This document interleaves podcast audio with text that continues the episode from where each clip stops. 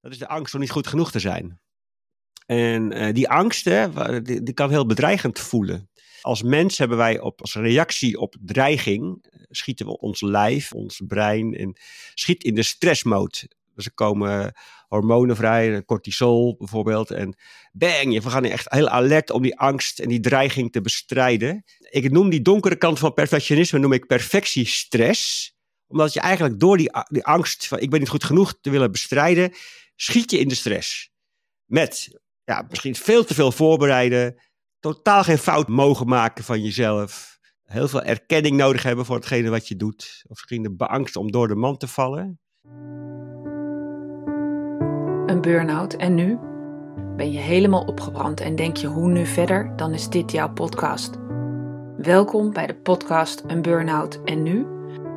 Waarin ik, Anne Lindenkamp, in gesprek ga met mensen die net als ik een burn-out hebben gehad met de vraag hoe was die periode nou voor jou? En ik deel mijn zoektocht naar verschillende coaches en therapeuten die jou kunnen helpen om weer uit je burn-out te komen.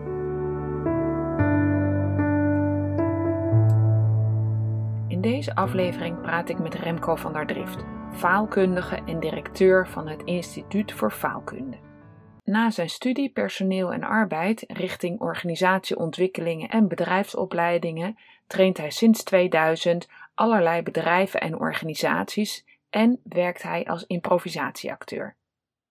Daarnaast werkt hij s'nachts ook als professioneel techno-DJ Echter, in 2007 bleek dat niet meer te combineren met het werk dat hij overdag deed als trainer. Zijn hele leven vond Remco falen moeilijk en zag hij ook anderen worstelen met dit thema. Door improvisatietheater, een onderzoek van Carol Dweck, boeddhisme en mindfulness leerde hij met meer acceptatie, vrijheid en lichtheid met zijn fouten om te gaan. En dat gunt hij anderen ook.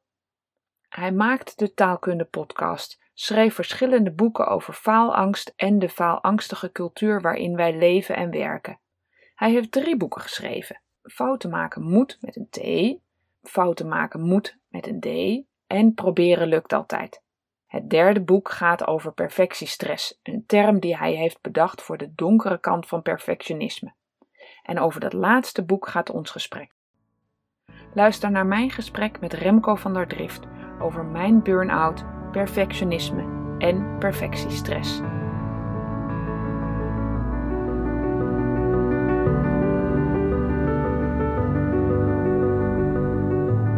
Vandaag heb ik in de podcast Remco van der Drift, schrijver van het boek Proberen lukt altijd. Welkom Remco.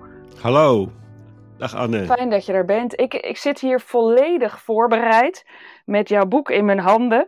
Proberen lukt altijd met een enorme lading post-its en briefjes, zodat ik een beetje de controle erop heb. Maar jou mocht ik van tevoren niet informeren. Jij gaat gewoon improviseren. Ja joh, ik ben gewoon, uh, ik ben, ik ben hardcore improvisator. Ik, ik word blijer als ik gewoon lekker ter plekke kan improviseren. Dan, en, en ik, hou, ik hou ook van voorbereiden trouwens hoor, dat is, uh, er is niks, niks mis mee. Maar het is fijn, zeker als je geïnterviewd wordt, om gewoon ter plekke te kunnen reageren op je vragen. Dan ga ik niet zo van tevoren zitten nadenken wat ik allemaal wel of niet moet zeggen. Dan, uh, dan mag het ook meer fout gaan. Dan uh, mag ik me verspreken. Dan, uh, eigenlijk is dan dat ik gewoon minder verwachtingen heb over wat ik, wat, ik, wat ik moet zeggen. Maar dat ik gewoon eigenlijk gewoon in het moment kan zijn. En gewoon kan zeggen wat er in me opkomt. Oh ja, ik moet je eerlijk zeggen, ik zou dat ook heel graag willen. Maar ik heb nu wel zoiets van, hè, dit boek is echt fantastisch. Het heeft mij zoveel inzichten gebracht. Nou, het is niet om te slijmen naar jou omdat je nu gast bent, maar ik vind echt, het heeft me echt, ik dacht, oh, oké. Nou, daar komen we zo meteen op. Maar die wil ik wel graag met mensen kunnen delen. Dus ik heb dan het gevoel, ja, ik moet wel goed kunnen uh, weten wat ik vraag, want dat, dat waren dan de punten waar ik op bleef hangen. Prachtig. Uh, want waar gaat jouw boek over? Dat heb ik helemaal niet gezegd. Het gaat over uh, perfectionisme. Ja. En ehm, nou heb ik inmiddels het inzicht gekregen dat ik ben ervaringsdeskundige met het hebben van een burn-out. En uh, mijn burn-out ligt gewoon aan op een gegeven ik heb, ben een perfectionist en dat vind ik een ontzettende kwaliteit. Van mezelf ook, daar ben ik ook eigenlijk heel erg trots op. Ja. Maar, uh, maar het ging bij mij op een gegeven moment een beetje te. En overal waar te voor staat, ja, dat werkt gewoon niet. En uh, dus ik had te veel perfectionisme. En jij maakt daar in je boek onderscheid uh, tussen. Tussen wat gezond en negatief perfectionisme is. Maar wat is precies het verschil? Ja, allereerst uh, even reageren op je zeggen, ik ben perfectionist. Volgens mij ben je dat niet. Maar gedraag je je soms als iemand die graag perfect wil zijn, denk ik. En dat is wel belangrijk. Ja, en perfect overkomen. En, het, en het geeft me ook wel houvast. Ja, het is mooi. Ik, ik vind het mooi om, om mezelf zo min mogelijk te identificeren met allerlei rollen of uh, kwaliteiten. En um, want als je zegt, ik ben perfectionist, hè, dan, dan, uh, ja, dan, dan koppel je dat heel erg aan uh, hoe je bent. En ik denk dat als je er wat meer flexibeler naar kan kijken, dat je soms wil je iets perfect doen. En um, mensen die last hebben van perfectionisme, die willen dat misschien heel, heel vaak doen. En ik heb een onderscheid gemaakt in twee soorten van perfectionisme. En eh, waarom? Omdat ik heel veel mensen heb geïnterviewd in mijn boek. Er zijn zeker ook jonge mensen die eigenlijk heel erg last hadden van perfectionisme, maar dat niet zo benoemden. En de last dat ook bijvoorbeeld in, ja, waar jij jouw podcast over gaat, in burn-out of, of uh, ja, veel stress, uh, depressie. Um, maar, perfectionisme, ik ben daar toen wat, wat op onderzoek uitgegaan, is eigenlijk een heel erg dubbelzinnig begrip. Hè? Want aan, aan de ene zijde um, heeft het een hele uh, negatieve connotatie. En aan de andere kant heeft het een hele positieve connotatie. En uh, ja, het voorbeeld wat ik in mijn boek ook, ook, ook, schreef. Hè? Ik heb ooit bij de kindertelefoon trainingen gegeven. En ik vroeg dan ook vaak aan mensen die. Eh, die we aannamen van heb je ook uh, negatieve kwaliteiten of eigenschappen, zeiden mensen vaak ik ben perfectionist ook. En dan daarmee zeiden ze eigenlijk twee dingen over zichzelf. Namelijk, ik ben de positieve kant, ik ben bereid om, enorm ver te gaan. Ik, ik, kan veel van mij verwachten, ik, ben, ik, ik, kan me inzetten. Maar ook, ik heb, uh, ik, ik, ik heb ook een, een, het is ook een lastige kant. Ik, ik kan ook ja, soms doorslaan en er last van hebben. En ja, in de literatuur wordt soms onderscheid gemaakt tussen gezond en ongezond perfectionisme. En waarbij eigenlijk gezond perfectionisme gaat over zo'n soort, perfect willen zijn vanuit een eigenlijk een gezonde drive om bijvoorbeeld iets moois te maken. Dus ik, ja, ik maak ook een podcast en uh, dat ken je vast wel, Adder. Je wil, ja, je, ik snap heel goed dat je, dat je het voorbereidt. Hè. Je hebt gewoon zin om uh, mijn boek misschien op een bepaalde manier fijn over te brengen aan je luisteraars. En ja, dat kan, dat kan gewoon een gezonde drive zijn of, of, of, of, of passie. En dat kan je ook vaak merken als je bijvoorbeeld feedback krijgt. Op je podcast bijvoorbeeld kan je nog steeds voelen, ik ben oké. Okay. Dankjewel voor je feedback, ik leer hiervan. Ik, ik, ik, kan mijn podcast beter maken. Maar er is ook een ongezonde kant van perfectionisme. En dat is eigenlijk wanneer goed nooit goed genoeg is. En um, ja, die kant van, van perfectionisme is niet zozeer geïnt op gewoon perfect willen zijn, omdat je eigenlijk gewoon zin hebt vanuit jezelf om iets moois te maken. Maar eigenlijk zit daar zo'n moeten op. Je moet perfect zijn van jezelf, omdat je eigenlijk de angst om niet goed genoeg te zijn met perfectie aan het bestrijden bent. Of dat moet van jezelf. En um, want eigenlijk de grote onderlegger of, of, of, of ja, wortel onder perfectie, de duistere kant van, van, van perfectionisme, dat is de angst om niet goed genoeg te zijn. En uh, die angst, die, kan heel bedreigend voelen.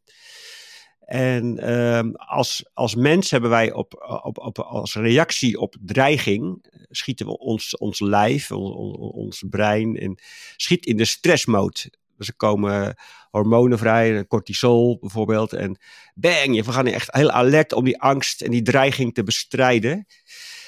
En ik noem die donkere kant van perfectionisme noem ik perfectiestress omdat je eigenlijk door die, die angst van ik ben niet goed genoeg te willen bestrijden, schiet je in de stress. Met ja, misschien veel te veel voorbereiden, totaal geen fouten mogen maken van jezelf. Heel veel erkenning nodig hebben voor hetgene wat je doet. Of misschien de angst om door de man te vallen. En ik merk dat die term perfectiestress, dat het veel meer de urgentie weergeeft eigenlijk voor... Ja, het is, het is iets waar je waar, je, waar je last van kan hebben en, en, en wat je echt kan, wat je kan schade kan, uh, kan berokkenen. Het mooie van stress is, hè, wat, ja, stress is eigenlijk een heel mooi systeem. Stress gaat aan in, in, ons, in, ons, uh, in ons brein en in ons lijf om van een dreiging af te komen en is bedoeld om daarna weer uit te gaan.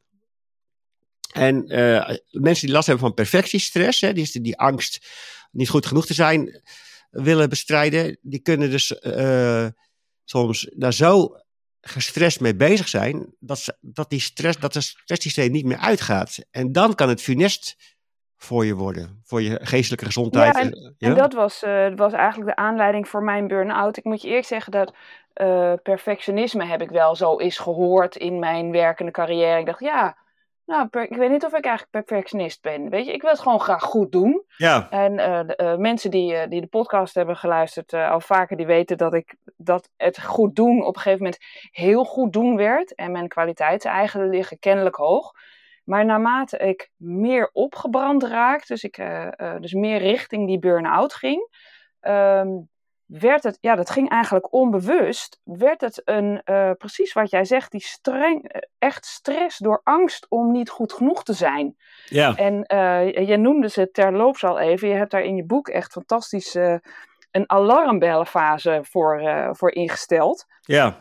En hey, jij noemde ze al, je durft geen fouten te maken. Even de vier alarmbellen op een rijtje. 1. Je durft geen fouten te maken. 2. Je stelt te hoge eisen aan jezelf. 3. Je zoekt veel bevestiging bij anderen. 4.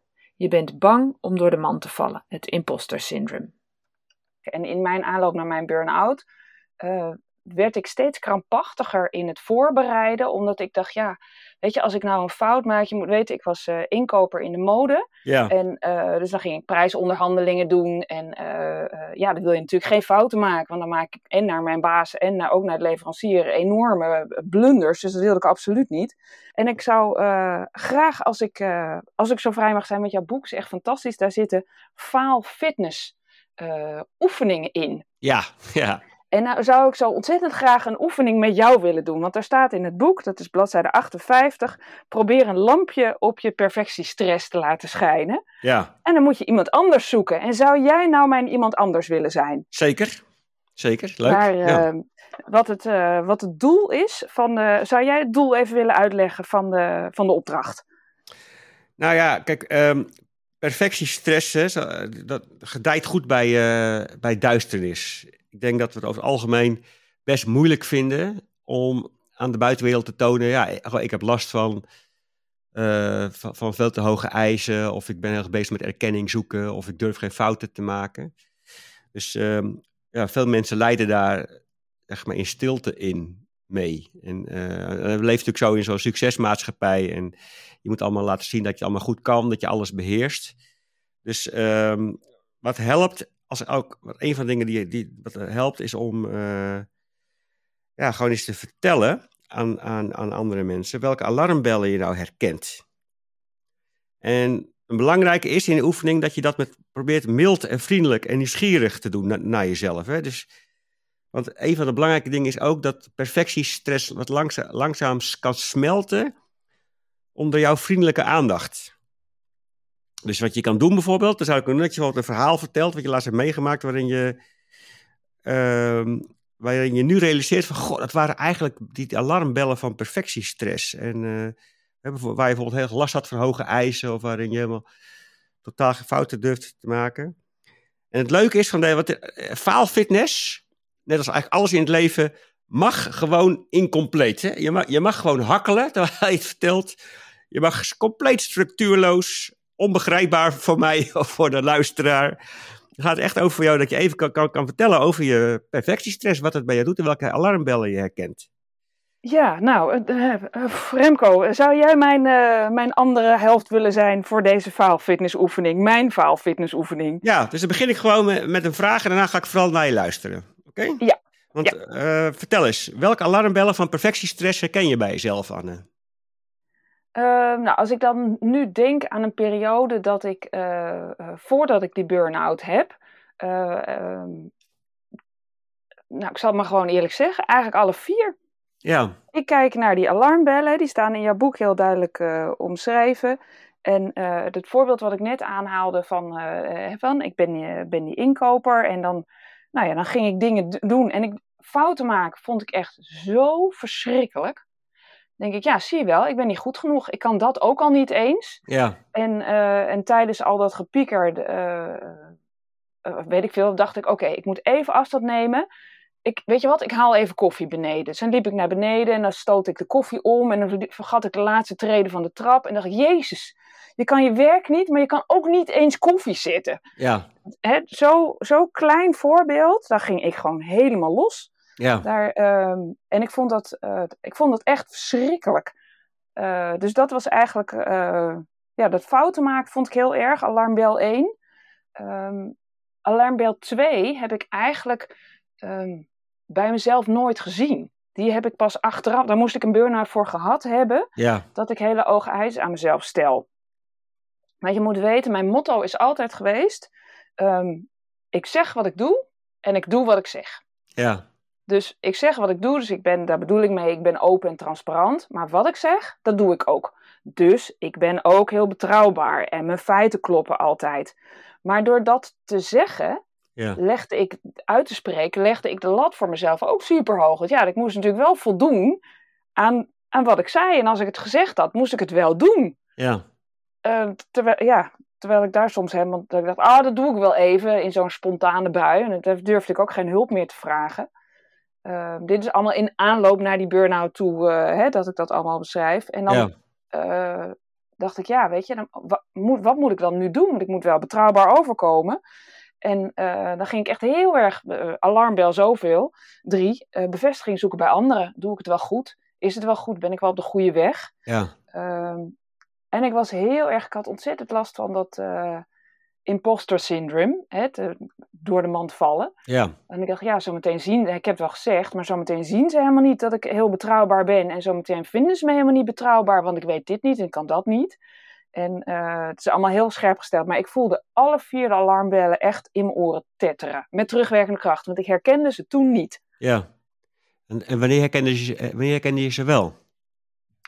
Ehm, dat was pas na mijn burn-out. Toen zat ik in de coaching bij Loes Noom. Daar heb ik ook een, een podcast mee opgenomen. Ja, En die zei, die mij, keek mij op een gegeven moment aan. En, en ze zei, Anne, je hoeft echt niet perfect uit die burn-out te komen. ja, En toen keek ik haar aan. Toen zei ik, hoezo dan niet? Ik moet er toch iets van leren, van die burn-out. ja, En ze zei, ja, maar die lat hoeft niet zo hoog. En dat was het eerste moment dat ik echt dacht, oh, oké, kennelijk heb ik dus hele hoge, veel te hoge eisen. ja.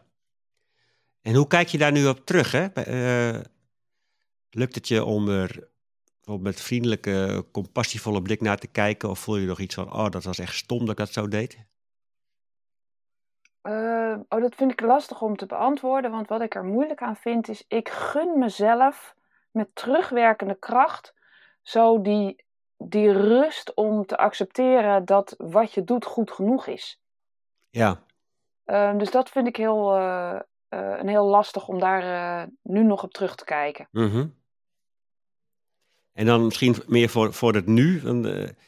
hoe voelt het om erover te vertellen zo, doe je tegen mij, in deze, in deze structuur?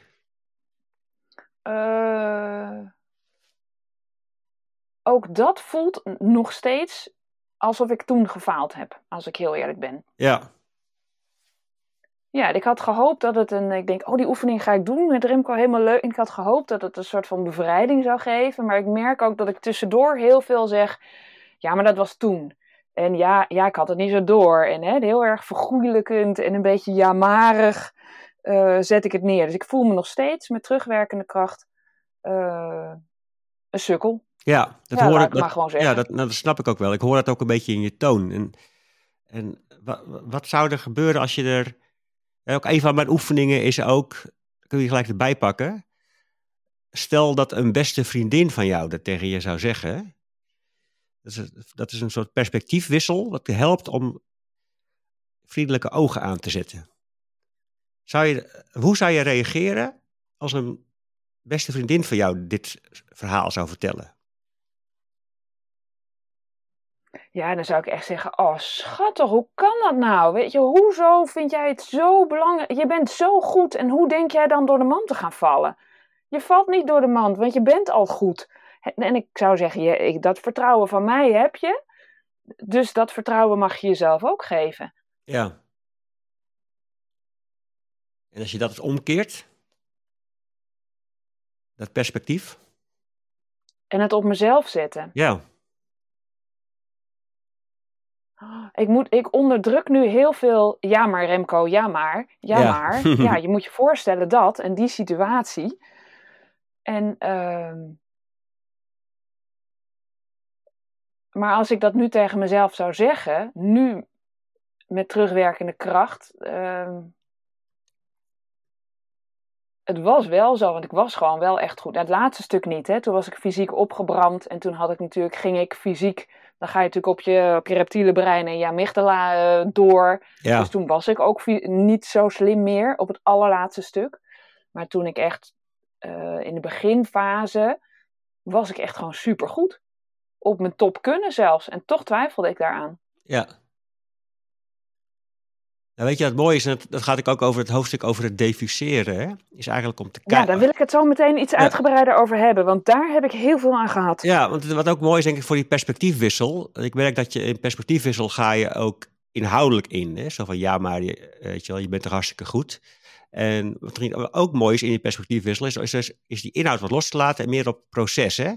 Dus wat zou een liefhebbende goede vriendin van jou zeggen om jou te steunen bijvoorbeeld? Om jou, eh, ja, om, om dus niet, en dat kan zijn wat je net ook deed, zeg maar, proberen inhoudelijk er iets anders naast te zetten. Maar ja, kijk, eh, bij mij, als ik, eh, als ik het een keer rot, als me rot voel en, ik praat met een goede vriend, dan is, eh, dan is het ook vaak, dan drinken we een biertje en zeggen, goh, wat rot voor je Remco. Of, weet je, wat, wat empathische blik heeft hij dan. En met wat steunende opmerkingen. Was het Dus zou je daar eens kunnen, eens kunnen verplaatsen wat een goede vriendin zou zeggen? Wat voor steunende woorden zou je, zou je horen? Die dan niet per se gaan over de inhoud. Want dan kom je, voor je het weet, kom je natuurlijk met je gedachten in een discussie. Ja, wat er nu in me opkomt, de dingen die ik zou willen hebben gehoord, was eh, de bevestiging van je bent wel goed bezig. Ja, Je doet het goed, je mag vertrouwen op jezelf. Hè? Dus, maar, ehm, en dat is alarmbel 3. Je zoekt bevestiging. En die zocht ik enorm. Ja. Ehm, en wat het achteraf, denk ik, misschien was die er wel, maar heb ik het gewoon niet ge- gezien. Of Ja. erkend als, eh, als bevestiging van je bent goed bezig. ja, Ja, het is, het is een. eh, je merkt ook dat ik heel erg aan het hakkelen ben daarin. Nou, Heel zei goed. je aan het begin al, dat mag en dat hoort erbij. heel goed. Maar eh, eh, ja, het, geeft echt wel hele nieuwe inzichten. Ehm, eh, en dit, deze oefening is dus ook precies hiervoor. Ja, het is, het is mooi om gewoon, eigenlijk is gewoon het, ehm, ja, wat, wat de oefening ook, de naam van de oefening, om het gewoon eens een lichtje op te schijnen en, en eigenlijk gewoon een warme lamp, zeg maar. Goh, wat, wat kloten dat ik zo die erkenning aan het zoeken was. En wat, eh, weet je, wat, wat vervelend en wat, wat, wat, wat, wat, wat naar dat, je, dat ik zo niet mocht falen van mezelf. En, ehm, Ja. Weet je, het is eigenlijk, want dat ik denk een van de lastige dingen rondom perfectiestress, is als we er helemaal achter komen, dat we ook nog eens heel gestrest vinden dat we er af moeten. Ja, en het liefst zo perfect mogelijk natuurlijk. Precies. Ja, Dus eigenlijk wat Ja. je, een belangrijke stap is ook om jezelf te helpen om imperfect van je perfectiestress af te komen. Door gewoon eigenlijk gewoon door vriendelijk naar jezelf te kijken. En ehm, met veel compassie en medeleven. ja nou, ik moet je eerlijk zeggen, wat mij heel erg geholpen heeft, is ehm, het inzicht van waar zou het vandaan kunnen komen. Ja, Ehm, eh, je gaf, geeft in je boek ook aan, het, het komt uit, eh, het kan verschillende dingen natuurlijk zijn, hè, Ja. vanuit je opvoeding bijvoorbeeld. ja, En dat gaf mij een hele hoop rust. Er staat bijvoorbeeld één voorbeeld noem je in je boek. Dat, dat vind ik ook fijn aan je boeken. Of aan dit boek, dat je geeft voorbeelden, ehm, maar die zijn gewoon reëel. Ik heb sommige van die Ah, zelfhelpboeken, maar die voorbeelden in andere zelfhelpboeken, die zijn echt zo van ja. Maar ja, als ik dat probleem had gehad, dan zou ik het ook wel zelf kunnen hebben opgelost. Maar Ja. jij komt met problemen in dit boek, dat ik denk, ja, exact. Want ik zal je noemen welk voorbeeld het is ja, op een gegeven moment zeg, noem je ergens, er is een eh, meisje dat doet de eh, opleiding voor de modevakschool. ja, Dus voor eh, kleding. En daar, daar geef je, vertel je ook heel mooi dat ze, ehm, ja, ze wordt opgeleid voor de wereld. Het is een harde wereld. Eh, waar perfectie onderdeel van is. Dus het moet allemaal goed. Ja. Ehm, nou moet je weten, ik heb het Amfi gedaan, dat is de, de modeacademie. Uh, die is nu op dit moment ontzettend in het nieuws met de angstcultuur hè, die, uh, die daar zit. Ja. En, uh, en daar ben ik heel erg, ja, daar heb ik mijn opleiding gevolgd. En ik heb altijd gedacht, ja, sommige dingen kon ik goed, maar voor mij was het echt wel een worsteling om daar doorheen te kunnen. Ja. En dat voelde altijd als falen, omdat ik niet, niet vanuit mijn kern kon creëren. Ja. Um, en ik heb daar altijd gedacht dat dat aan mij lag. Want ik, ja, ik liet niet zien. Op sommige vlekken, hoor, vlakken ging het hartstikke goed. Ik ben afgestudeerd met een 9. Ja. Maar om bij die 9 te komen was uh, iedere keer met hakken over de sloot. Nou, vooruit Anne, je mag door naar het volgende jaar. Ja. Um, en, en dat gaf mij wel heel veel rust om um, te accepteren dat perfectie mij aangeleerd is. En dat het me overkomen is. Dat het niet mijn schuld is. Ja. Mooi, het onschuldige, ja. Zeker. Ja, want toen dacht ik, oh, maar ik heb de, ik, het is mij aangeleerd. Precies wat jij aan het begin van het gesprek ook zei. Van ja, ik, hè, jij zei, ik geloof dat perfectionisme is aangeleerd. Het is gewoon iets wat je, een trucje wat je uitvoert.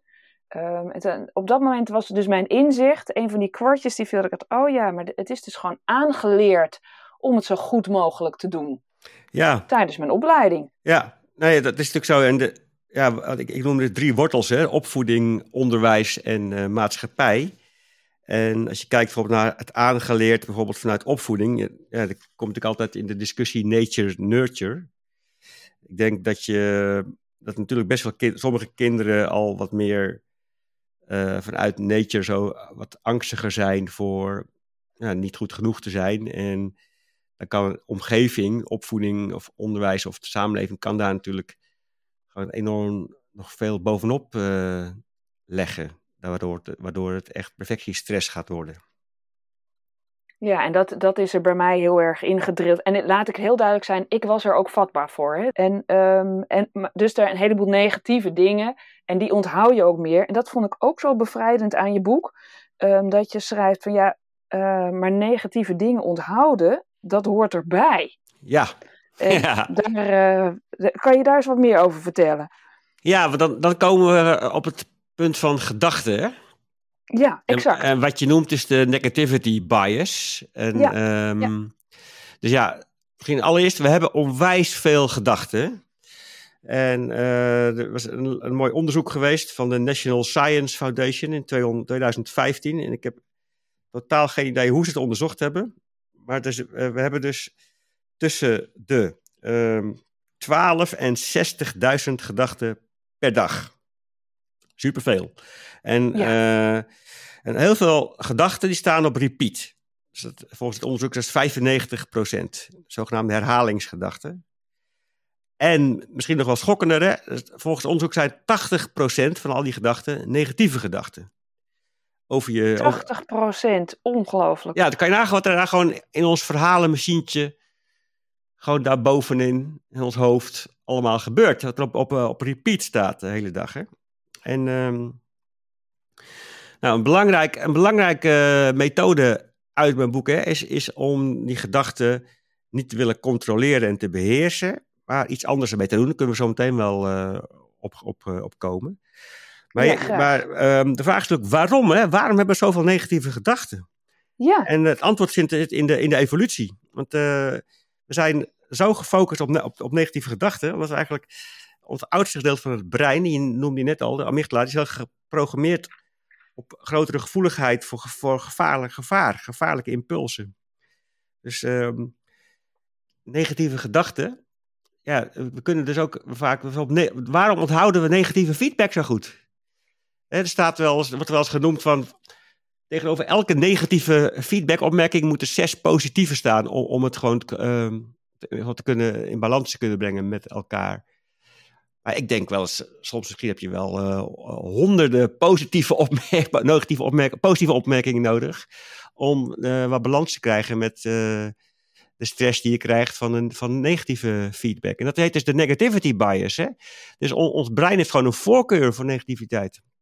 Het kleeft meer aan ons brein.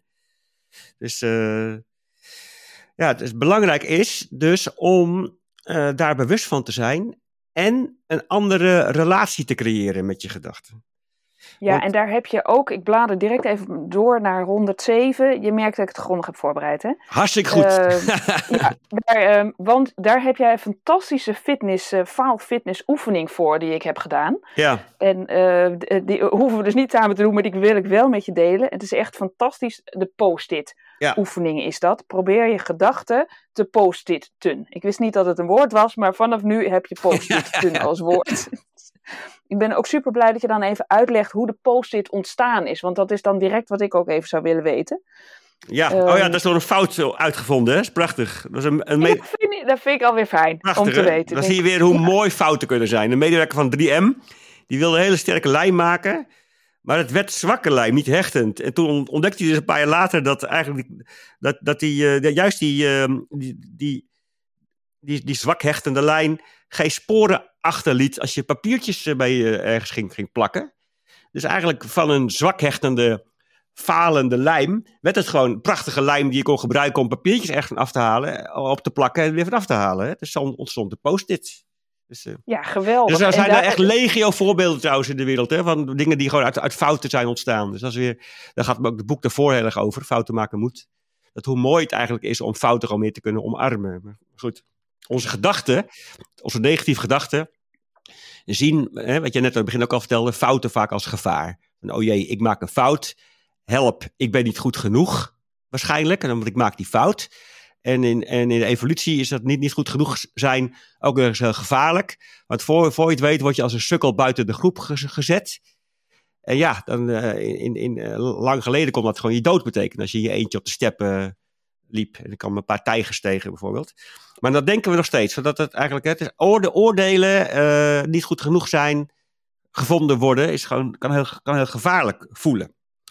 Eh, dus daarom hebben we ook veel negatieve gedachten over onszelf. En onthouden we negatieve dingen zo goed. Of hebben we dwingende gedachten over onszelf. Hè? Ik noem dat ge- geheel stressgedachten. Dus we kunnen onszelf opjagen. Nee, je moet wel enorm je best doen. Meer dan die 100 Hè? Anders vindt men jou niet goed genoeg. Of als je fout gemaakt hebt, dan ben je toch die sukkel. Nou, om, om een andere gedachte te kunnen creëren, of een andere relatie met je gedachten te kunnen creëren, is het allereerst belangrijk om eigenlijk, op te merken dat je gedachten hebt. Ze eigenlijk, eigenlijk herkennen. En, en daar is die post-it oefening voor. Hè. Dat betekent dat je aan een tafel gaat zitten. Je pakt een pen en een stapeltje post-its. En iedere gedachte die je opkomt, die schrijf je op een, op een nieuwe post-it. Maakt niet uit wat je gedachten zijn, gewoon opschrijven. Zelfs de gedachte, ik weet niet wat ik moet opschrijven, is een prachtige gedachte. En dan, ehm, dan zet je een timer van een paar minuten of zo. En dan, en dan moet je eens kijken, dan staat je hele tafel vol met gedachten. En, je, en dan merk je op is eigenlijk hoe, hoe, hoe, hoe druk het eigenlijk daar bovenin is. Hè? En dat deze, al deze Ja, ik heb gedachten... die oefening dus gedaan. Oh, en leuk. het is echt hilarisch. De- Ja? het, ik, de- het zijn allemaal hanenpoten, dus ik kon het niet... Want ik had natuurlijk heel veel gedachten die ik niet zo snel kon opschrijven. Ja, Eh, van alles, hè. ja, Eh, oh ja, de, ik moet nog kattenvoer kopen. Ehm, ik heb koude voeten. Nou, zo'n hele enorme... En wat ik zo ontzettend prettig daaraan vond, is dat ik dus... ehm, er zat ineens een meter tussen mij en mijn gedachten. ja, En eh, je geeft daarvoor als voorbeeld van hè, gedachten zijn eigenlijk als in een film, als een film. Je kan er helemaal ingetrokken worden, ehm, maar je weet altijd, het is maar een film. klopt. En dat is en toen mooi, ik hè? die post-its zag, dacht ik, oh, maar dit is dus gewoon, dit zijn stukjes van die film die helemaal in mij zaten, maar die zijn er nu gewoon uit. Ik kijk naar een film. Ja, Vond ik zo bevrijdend dat ik dacht, het zijn maar gedachten, maar dat ben niet ik niet, het zijn mijn gedachten. klopt. Maar ik ben het niet. Nee, dat klopt. En dat, ik vind die filmmetafoor ook heel mooi, want eh, ik zat van de week ook nog in de film. Soms zit je helemaal ingezogen in die film. Dan heb je helemaal niet in de gaten dat je bijvoorbeeld in een bioscoopstoel zit of op, de luie op je luie bank.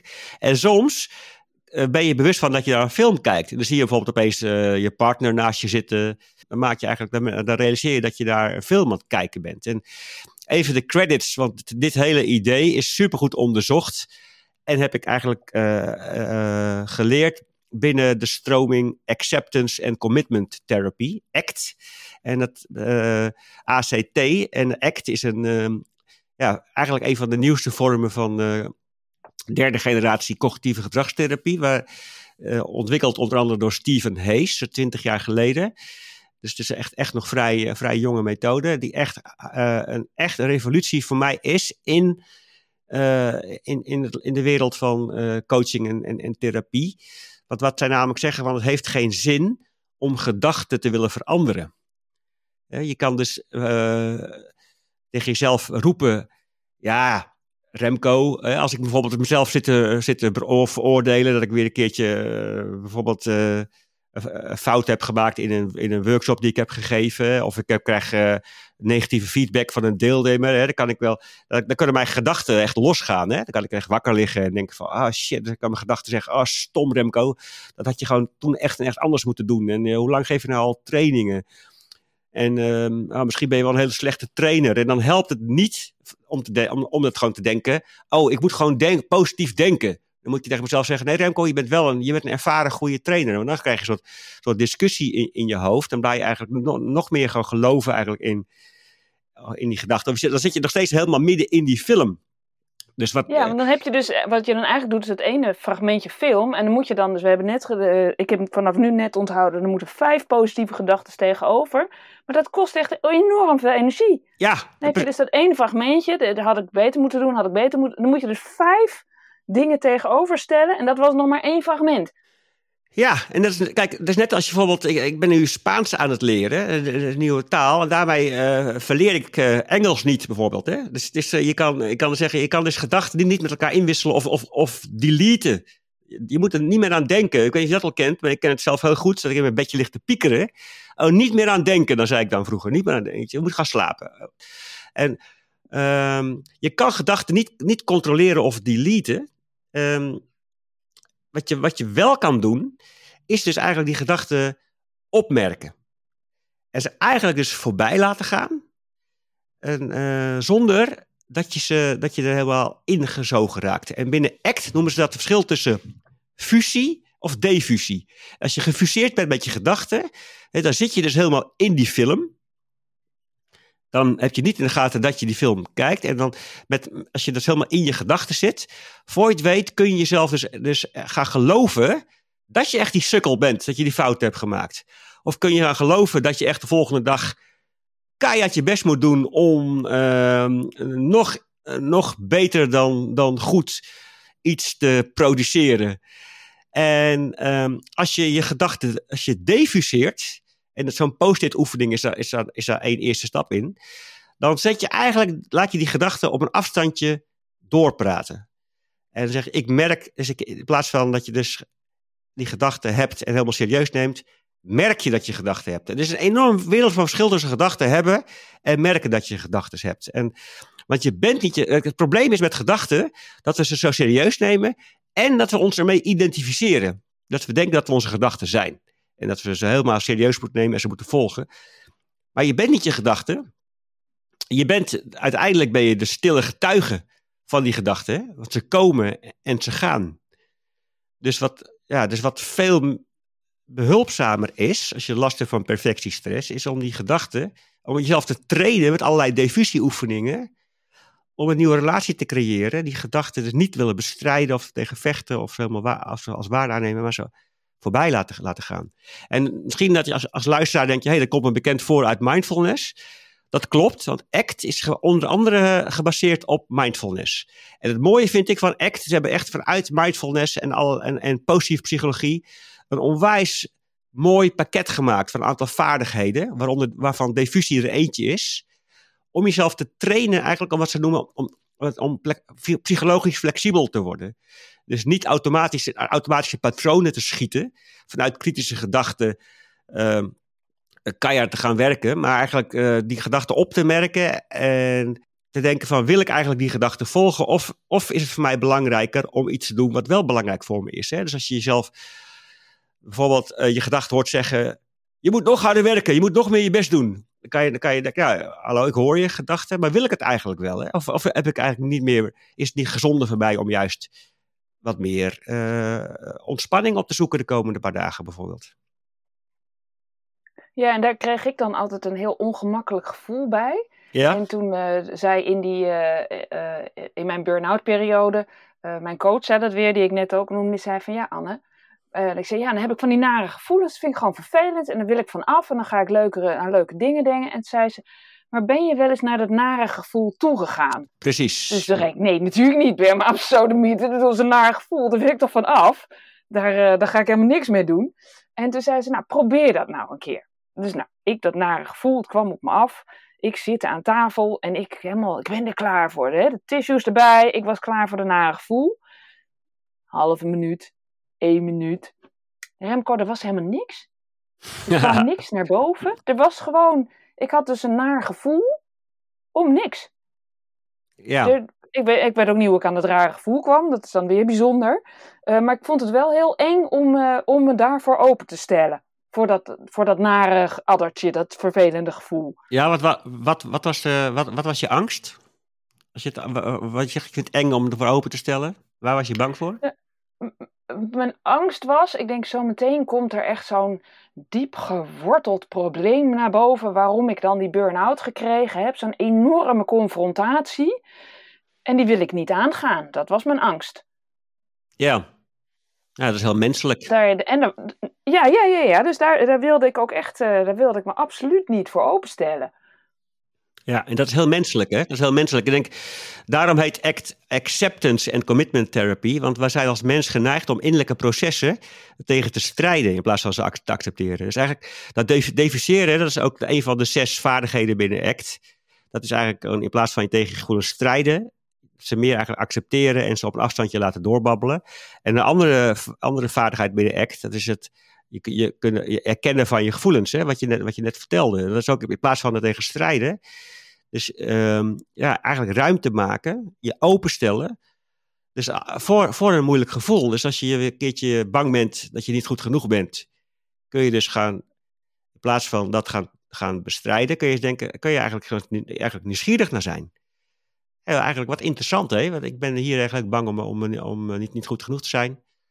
Laat ik eens kijken, waar zit dat in mijn lijf bijvoorbeeld? Hè? En kan ik daar wat meer uh, ruimte aan geven? En um, ja, het, is heel, uh, het is heel mooi dat, wat ook net als gedachten en gevoelens, uh, gedachten komen, ook gevoelens komen op en gaan weer weg. Dus, dus, we zijn bang om ze te ervaren. En de last is juist het vechten ertegen. Terwijl als je jezelf ruimte geeft om het wel te mogen ervaren, nou, dan, dan zul je eventjes dat gevoel ervaren. En dat gaat op een gegeven moment ook weer weg. Hè? Net als een wolk die voorbij drijft. Ja, bij mij wel. Het, het zat, bij mij zit dat gevoel in mijn buik. Waar zit dat bij, gevoel bij jou? Nou, verschillende plekken. Ook vaak in mijn uh, buik of, uh, of in, in mijn hoofd. Ik zo'n heel wattig gevoel krijg. Of als ik verdrietig ben. En, uh, ja, dat, kan op allerlei plekken in mijn lijf zitten. En belangrijk is hè, even, dat dit, al deze processen, vaardigheden, dat ook dat geen trucje moet worden. Want voor je weet, denk je, weet je wat, ik ga het gewoon in mijn gevoelens erkennen en gedachten op afstand zetten, zodat ik er weer last van heb. Nee, het is juist eigenlijk om er even er naartoe te gaan, er ruimte voor te geven.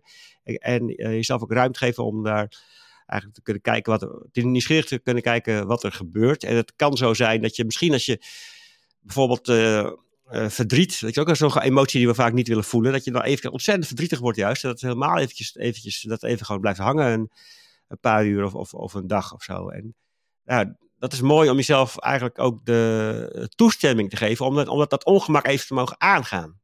Want dat is ook vaak, we vinden vaak lastige gevoelens ook ongemakkelijk. En die moeten daarom zo snel mogelijk weg, want we willen ons gelukkig voelen. En, um, ja, natuurlijk.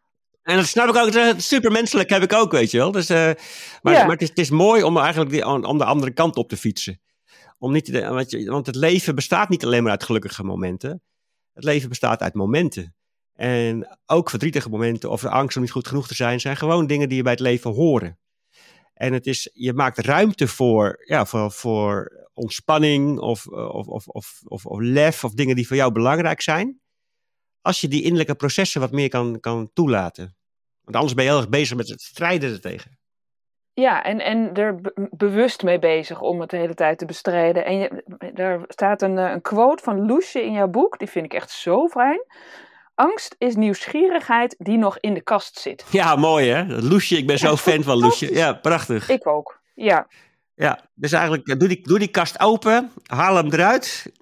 Kijk eens wat er, uh, wat er zit. Dat is mooi als je, als je openstelt voor de angst niet goed genoeg te zijn. Dat geeft, ook, geeft vaak ja, misschien even een ongemakkelijk gevoel, maar het kan ook tot ontspanning leiden en ook tot nieuwe inzichten. Ja, enorm. Zoals dit, dit hele boekje mij ook allemaal heel veel nieuwe inzichten heeft gekregen. Remco, jij hebt mij ontzettend veel inzicht gegeven ten aanzien van mijn eigen ja, perfectionisme. Blijkt dus eigenlijk een soort van faalangst te, te zijn ook. Ja, perfectiestress. Uh, ja. perfectiestress, uh, zeker. En het heeft me heel veel inzicht gegeven in hoe ik in die burn-out ben gekomen. En geeft me dus ook veel tools om er niet nog een keer in te raken en goed bij mezelf te blijven. Um, Remco, mag ik je hartelijk danken voor deze podcast. Ja, ik heb het heel graag gedaan, Anne. Ik vond het een heel mooi gesprek. En ik vind het ook heel gaaf dat je deze podcast maakt. Ik denk dat er zoveel mensen last hebben van, van, van burn-out of, of in te dreigen te stappen. Dus ik vind het echt zo gaaf dat je je eigen leven hebt gebruikt om, om andere mensen te, te helpen en te inspireren. Dus ik heb er met alle liefde en plezier heb ik, hier aan bijgedragen. Anne. Dankjewel.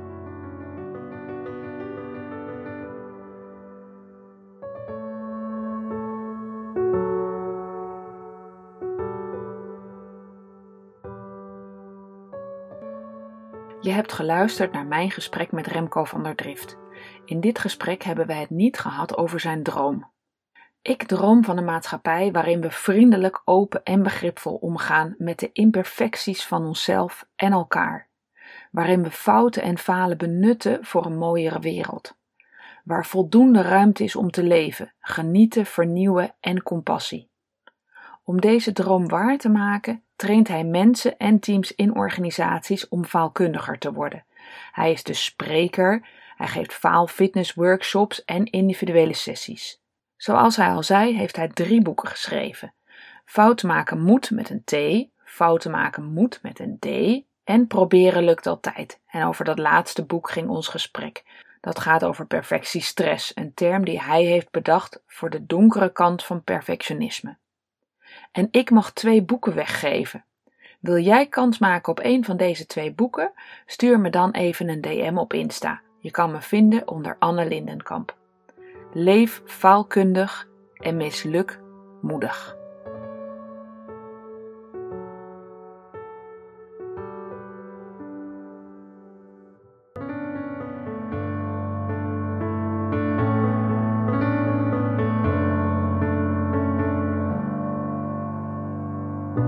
Dit is alweer het einde van de podcast Een Burnout en Nu. Fijn dat je luisterde. Deze podcast is onderdeel van mijn missie. Ik help graag zoveel mogelijk mensen bij het zetten van die eerste stap van herstel als je helemaal bent opgebrand. Wil jij ervaren hoe ik jou kan helpen? Maak dan een afspraak op de website eenburnoutennu.nl. Daar kan je ook mijn gratis e-book downloaden met 11 tips voor meer energie. Weet jij een bijzonder persoon of een bijzondere therapie die anderen zou kunnen helpen bij hun herstel? Laat het me weten. Je kan me vinden op Facebook of Insta onder Anne Lindenkamp en stuur me dan direct een DM of ga even naar de website eenburnoutennu.nl slash contact. Hoor je nou graag meer van deze inspirerende gesprekken? Abonneer je dan even, dan hoef je niets te missen. Tot de volgende aflevering.